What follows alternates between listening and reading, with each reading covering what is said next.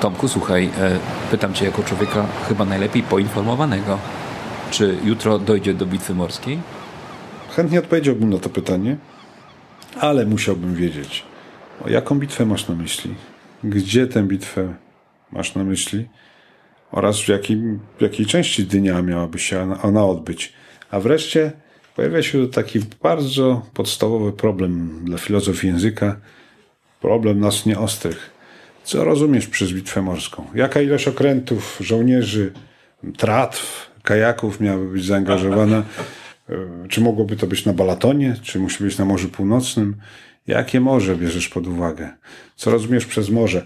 Jest tutaj tak wiele różnych niuansów językowych, że nie odpowiem Ci na to pytanie, ale nawet uczciwie rzecz biorąc, gdybym znał te wszystkie parametry, nie wiem, co jutro się zdarzy.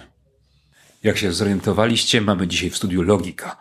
Jest z nami profesor Tomasz Jarmużek, kierownik Katedry Logiki Instytutu Filozofii, który w najbliższym odcinku opowie nam jednak o problemie jutrzejszej bitwy morskiej, czyli krótko mówiąc o czym? O tym, jak starożytni próbowali rozstrzygnąć problem przyszłości. Czy przyszłość jest otwarta, czy też zdeterminowana? Czy ludzie mogą wpływać na to, co się zdarzy, czy też są tylko biernymi przedmiotami, nie podmiotami historii?